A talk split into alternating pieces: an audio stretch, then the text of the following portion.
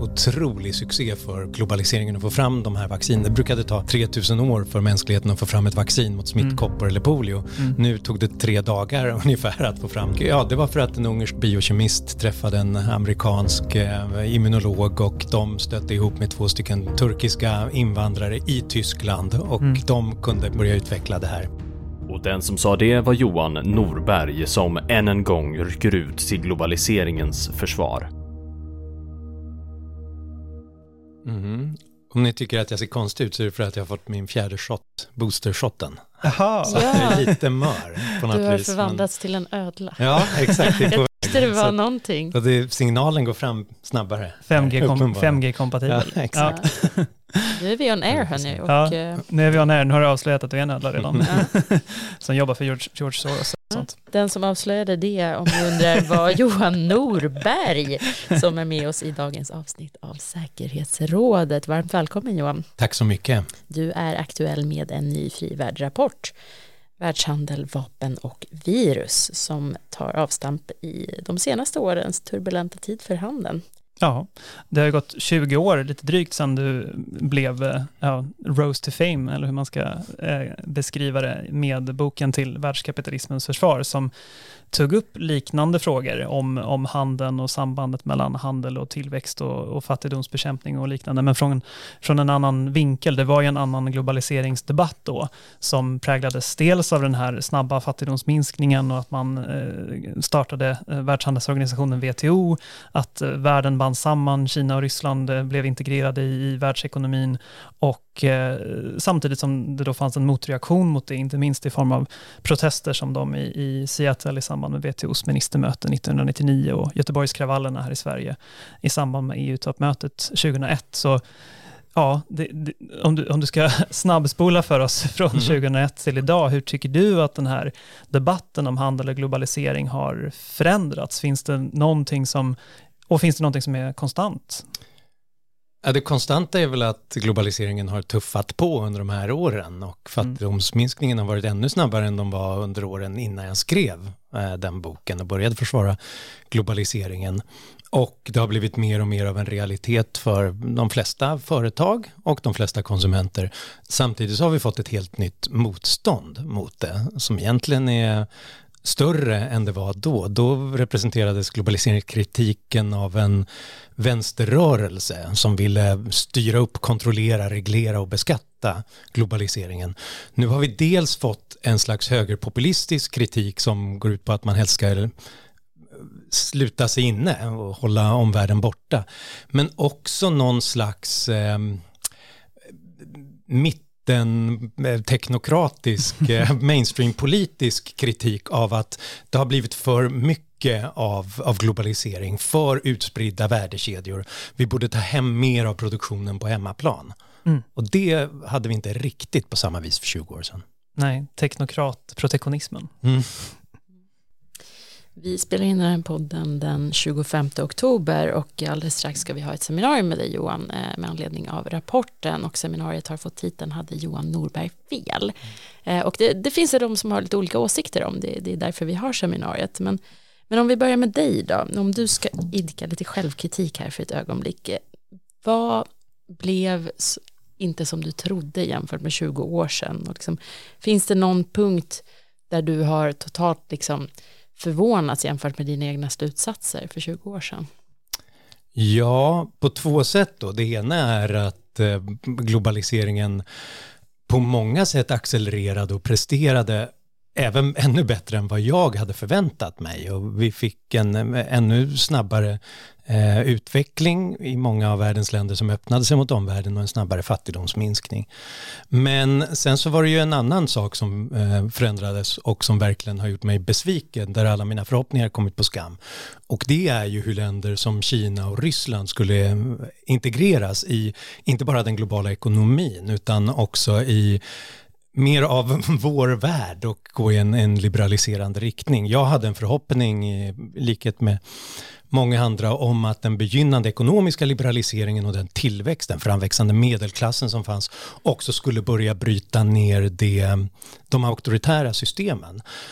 Jag tror att det fanns klara tendenser till det, men det ledde till att ledare som Putin och Xi Jinping har slagit till bromsen fullständigt. Ehm, Inhemskt gått i en mycket stark auktoritär riktning och tagit kommando inte bara över idébildning och den politiska världen utan även ekonomiskt börjat centralisera och kontrollera det på ett helt annat sätt. Så det är en mycket, eh, mycket besviken Johan Norberg på det viset som, som blickar ut över världen och ser att det, det blev inte, även om ekonomin, tekniken, vetenskapen har utvecklats bättre än man hade kunnat förvänta sig, så har politiken gått åt snabbt åt fel håll i några av världens stora länder. Och vad tror du då, är det, är det kört nu för sådana länder eller, eller kommer liksom mer av den här medicinen som vi hoppades på från början att funka, det vill säga om vi fortsätter handla mer om, om vi fortsätter jag hoppas på det här, kommer det någon gång vända då eller är det någon, någon, någon annan medicin som behövs nu?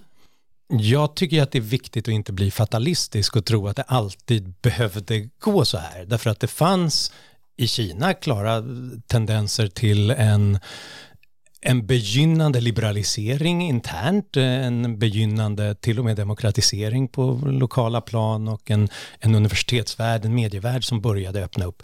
Men där man medvetet valde en annan väg efter 2008 och framförallt under Xi Jinping valde att gå åt rakt motsatt håll. Kanske delvis för att man läste den globala finanskrisen som att västvärldens ögonblick på jorden var över och att nu, nu var det vår, vårt tillfälle här istället. Och att man oroade sig över många eh, demokratiska revolutioner, inte minst i tidigare Sovjetrepubliker. Så att det var inte självklart att det skulle hända och på samma vis skulle jag säga i Ryssland. Det fanns tvärtom en väldigt positiv utveckling, ekonomiska reformer som gav en ganska snabb tillväxt tillsammans med, med råvarupriser som steg. Det hade kunnat vara en begynnande medelklass som också började organisera sig. Men där egentligen en mans beslut att förstöra sitt eget land för att behålla total makt har, har lett till både en auktoritär backlash och till invasionen av Ukraina. Och om det nu är så att det inte är ödesbestämt utan det beror på olika typer av politiska beslut, då kan det ju gå åt ett annat håll. Till exempel om man ser att den här vägen inte är särskilt lyckad. Ehm, Invasionen av Ukraina är inte bara en katastrof för Ukraina utan ännu mer egentligen för Ryssland långsiktigt, demografiskt, ekonomiskt, socialt.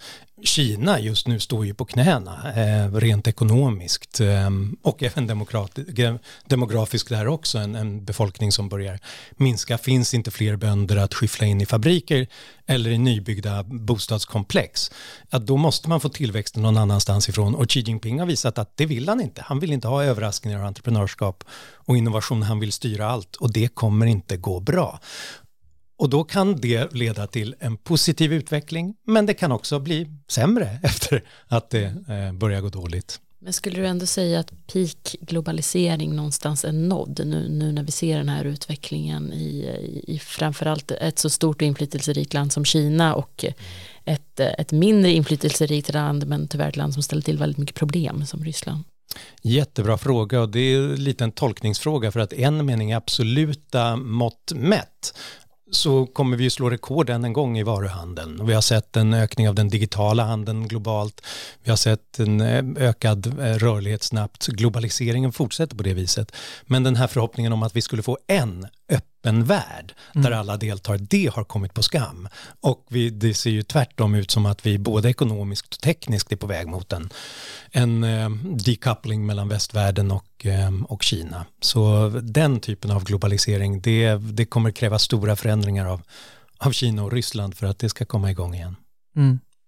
Den här rapporten fokuserar ju mindre på, på de senaste 30 åren, utan fokus är ju framförallt på de senaste tre åren, som har varit väldigt, väldigt dramatiska i och med att vi har haft både den mest omfattande pandemin på 100 år och det, det mest avgörande kriget i Europa sedan, sedan andra världskriget egentligen. Så det, det är väldigt mycket historia på, på väldigt kort tid. Um, hur, hur har handeln påverkats av de här störningarna? För det har ju varit man kan ju säga att det har varit lite olika, olika effekter. Pandemin som du var inne på, de, det väckte ju frågor om, om leverantörskedjor och hur långa de var, var de gick geografiskt och så vidare, medan, medan kriget har framförallt påverkat eh, råvaror och, och som, som el och drivmedel och, och mm. så. Eh, men, men hur har handeln ja, väldigt övergripande. Hur har handeln påverkats av det här och hur har handeln och företag försökt anpassa sig till de här störningarna? Ja, till att börja med så blev det ju ett tvärstopp i, i maskineriet. I början av pandemin så hälften av världens befolkning fick utegångsförbud och fick inte gå till fabriker och kontor och gränser blockerades, hamnar stängdes. Vi stoppade globaliseringen under en, en rad månader och det ledde ju till ett tvärstopp i handeln och en mänsklig och social katastrof. Förmodligen 70 miljoner människor som föll, föll tillbaka in i extrem fattigdom på grund av detta. Å andra sidan så var ju handeln och eh, det globala näringslivet otroligt snabba med att anpassa sig efter de förändringar som kom. Eh, vi fick oerhört snabbt en ombyggnad av de globala leverantörskedjorna så att man eh, satte sig och började fundera på vad kan vi, om vi inte får tag på det här materialet, vad kan vi göra med det material vi har, vad kan vi göra med den arbetskraft vi har, hur kan vi undvika de hamnar som är stängda och ta oss någon annanstans. Och det mest otroliga skulle jag säga med, och det, det vi är inne på i den här rapporten är att trots att omständigheterna var de svåraste någonsin mm. för den globala handeln så fortsatte den att leverera. Vi fick inte de tomma butikshyllorna i längden. Vi fick inte de katastrofala bristerna på de flesta sätt därför att handeln anpassade sig otroligt snabbt efter förändrade omständigheter. Mm, snabbare än vad många konsumenter kanske insåg tror jag. Det var ju sån himla efterfrågan på konstiga saker som toalettpapper, ja. trots att det var aldrig någon brist, utan det var någonting som folk bara instinktivt började, började hamstra. Um, men, men du skriver i rapporten att, att, att plötsligt uppföra gränser på det här sättet, det är lite som att sätta upp en vägg mitt på fabriksgolvet. Uh, och jag tycker att det är intressant när, man, uh, när den här retoriken har kommit upp då på, på EU-nivå talar man ju om strategisk autonomi, i USA mer om decoupling, utveckling, framförallt när det gäller teknologi från Kina. Men, men ja, vad drar man, vilka, vilka slutsatser bör man egentligen dra av, av de här senaste åren och, och hur leverantörskedjorna har kunnat anpassa sig så pass snabbt ändå? Mm. Nej, det man måste förstå är ju att allting vi eh, producerar och konsumerar är skapat av mängder av olika komponenter från massor av olika ställen. Och om man försöker snabbt stänga sina gränser som under pandemin, då kommer det bestraffa en själv också. När Rumänien då blockerade all sjukvårdsmaterial, eh, all export av det för att det inte skulle gå utanför EU, så innebar ju det att slangar som hade gått till Schweiz stoppades och de hade behövts för att bygga respiratorer som man hade mm. kunnat, annars hade velat importera till Rumänien från Schweiz därefter. Och det är ju det som är problemet med att bygga den här väggen på fabriksgolvet, att vi stör ut hela den här ständigt pågående, närmast organiska eh, nyskapandet av, av, i nya komponenter, i nya eh, mönster för att, för att skapa saker. Eh, och istället så ska man plötsligt hålla till godo med det som finns lokalt. Mm. Och eh, då har vi det har vi inte, mm. därför att vi har så pass globala kedjor.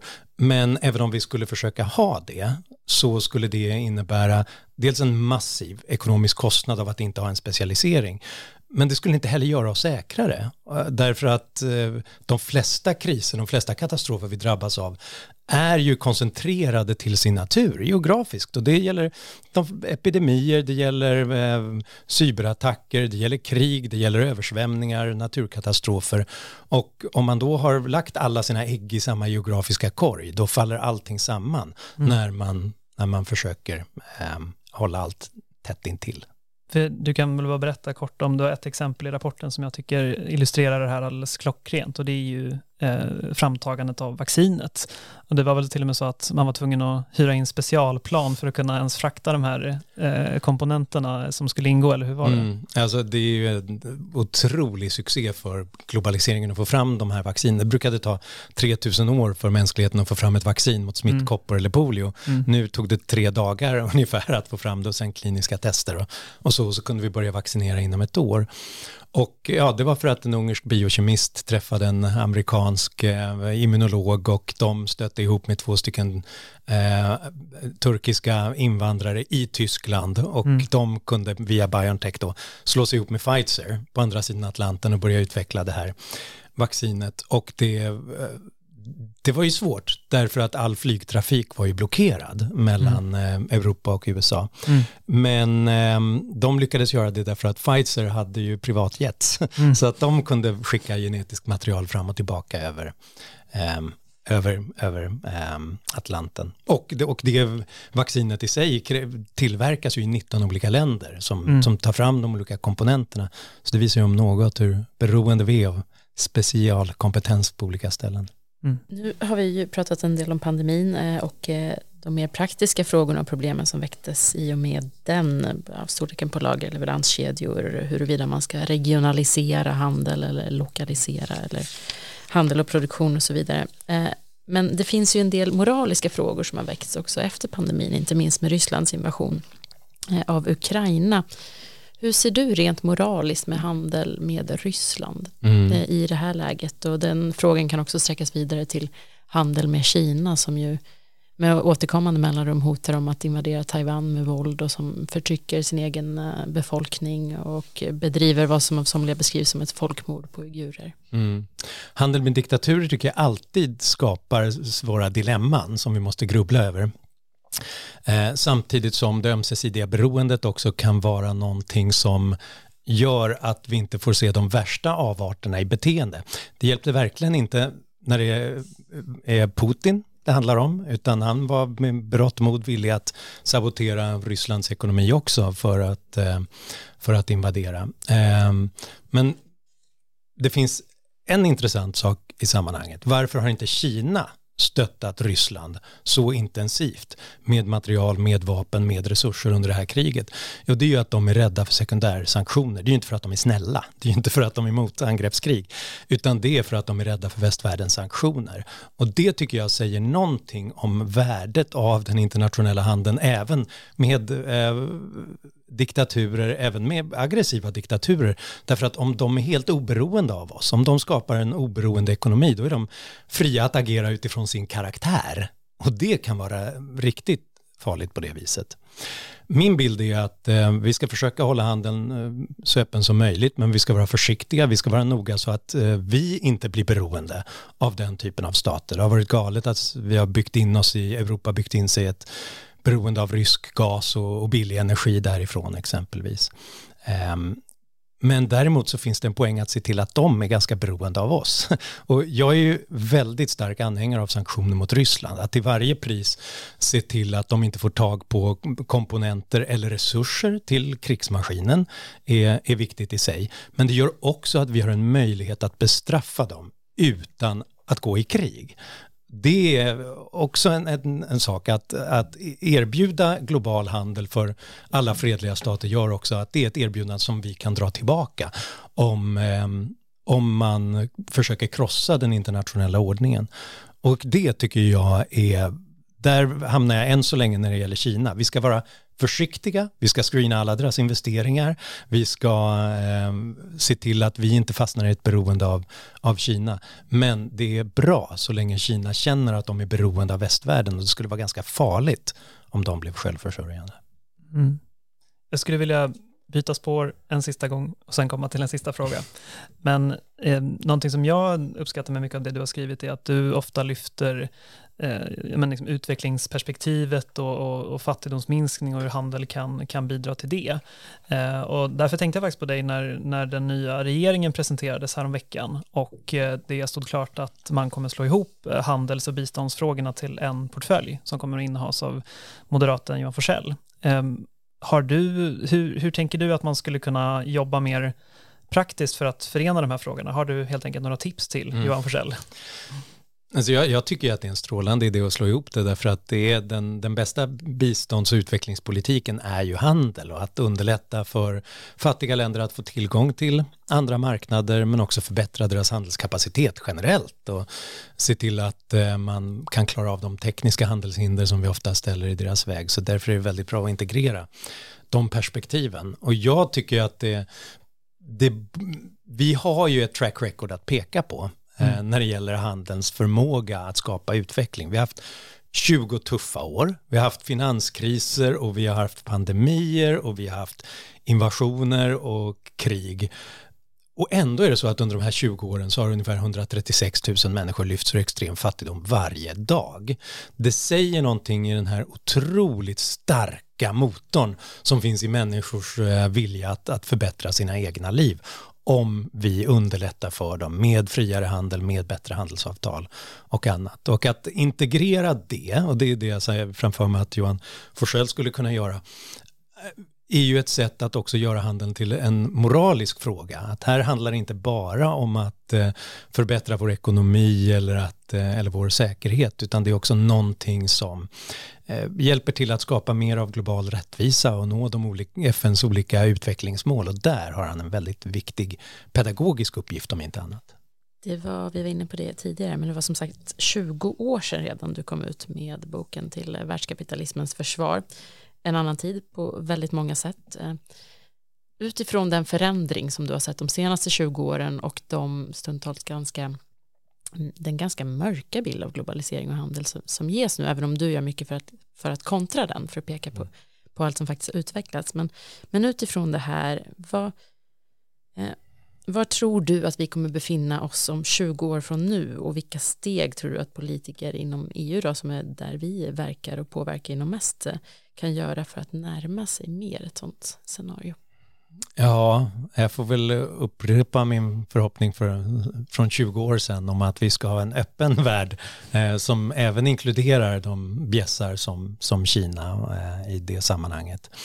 Och vad kan vi göra för det? Ja, det kanske inte är så mycket vi kan göra i direkt demokratiseringsarbete i de länderna, men, men vi kan göra vårt alternativ så lockande som möjligt för så många som möjligt. Och om vi nu står i någon slags eh, episk konflikt mellan demokrati, eller i alla fall fredliga stater eh, med någon typ av, av grundläggande respekt för mänskliga rättigheter mot auktoritära stater, kan vi inte göra den världen så pass omfamnande och omfattande som möjligt. Och där ser jag framför mig att man inom EU borde arbeta mycket hårdare med att se till att alla våra allierade stater som finns, att försöka integrera inte bara handelsfrågor utan också regleringsfrågor, ömsesidigt godkännande av varandras myndigheter så att vi verkligen får en egentligen EUs inre marknad men utsträcka det till USA till Sydkorea, Japan och eh, Taiwan och utsträcka det till eh, Mercosur i Latinamerika, i Indien och så vidare. Då skulle vi verkligen kunna både befordra ekonomi och innovation men också skapa ett alternativ, en alternativ världsordning som kommer vara lockande och där även auktoritära stater kommer känna att här är någon slags fait accompli. Här finns det en värld och ett regelsystem som vi gärna skulle vilja vara med i och det kanske kan befordra också deras eh, vilja att eh, gå ditåt snarare än slutas inne. Mm. Och den som sa det var Johan Norberg. Du har också hört Katarina Tratsch och mig, Emanuel Urtengren, i den här podden från tankesmedjan Frivärd. Rösten ni hörde i början tillhörde Dino Ekdal och Dino har också gjort bearbetningen. Podden finns där poddar finns, till exempel på Apple Podcasts, Spotify och Acast. Prenumerera gärna så att du inte missar ett avsnitt. Och om du som lyssnar uppskattar vår podd så får ni gärna lämna en recension så att vi kan komma och nå ut till ännu fler lyssnare. Och kom ihåg, Sverige och friheten är värd att försvara. Motståndet upphör aldrig.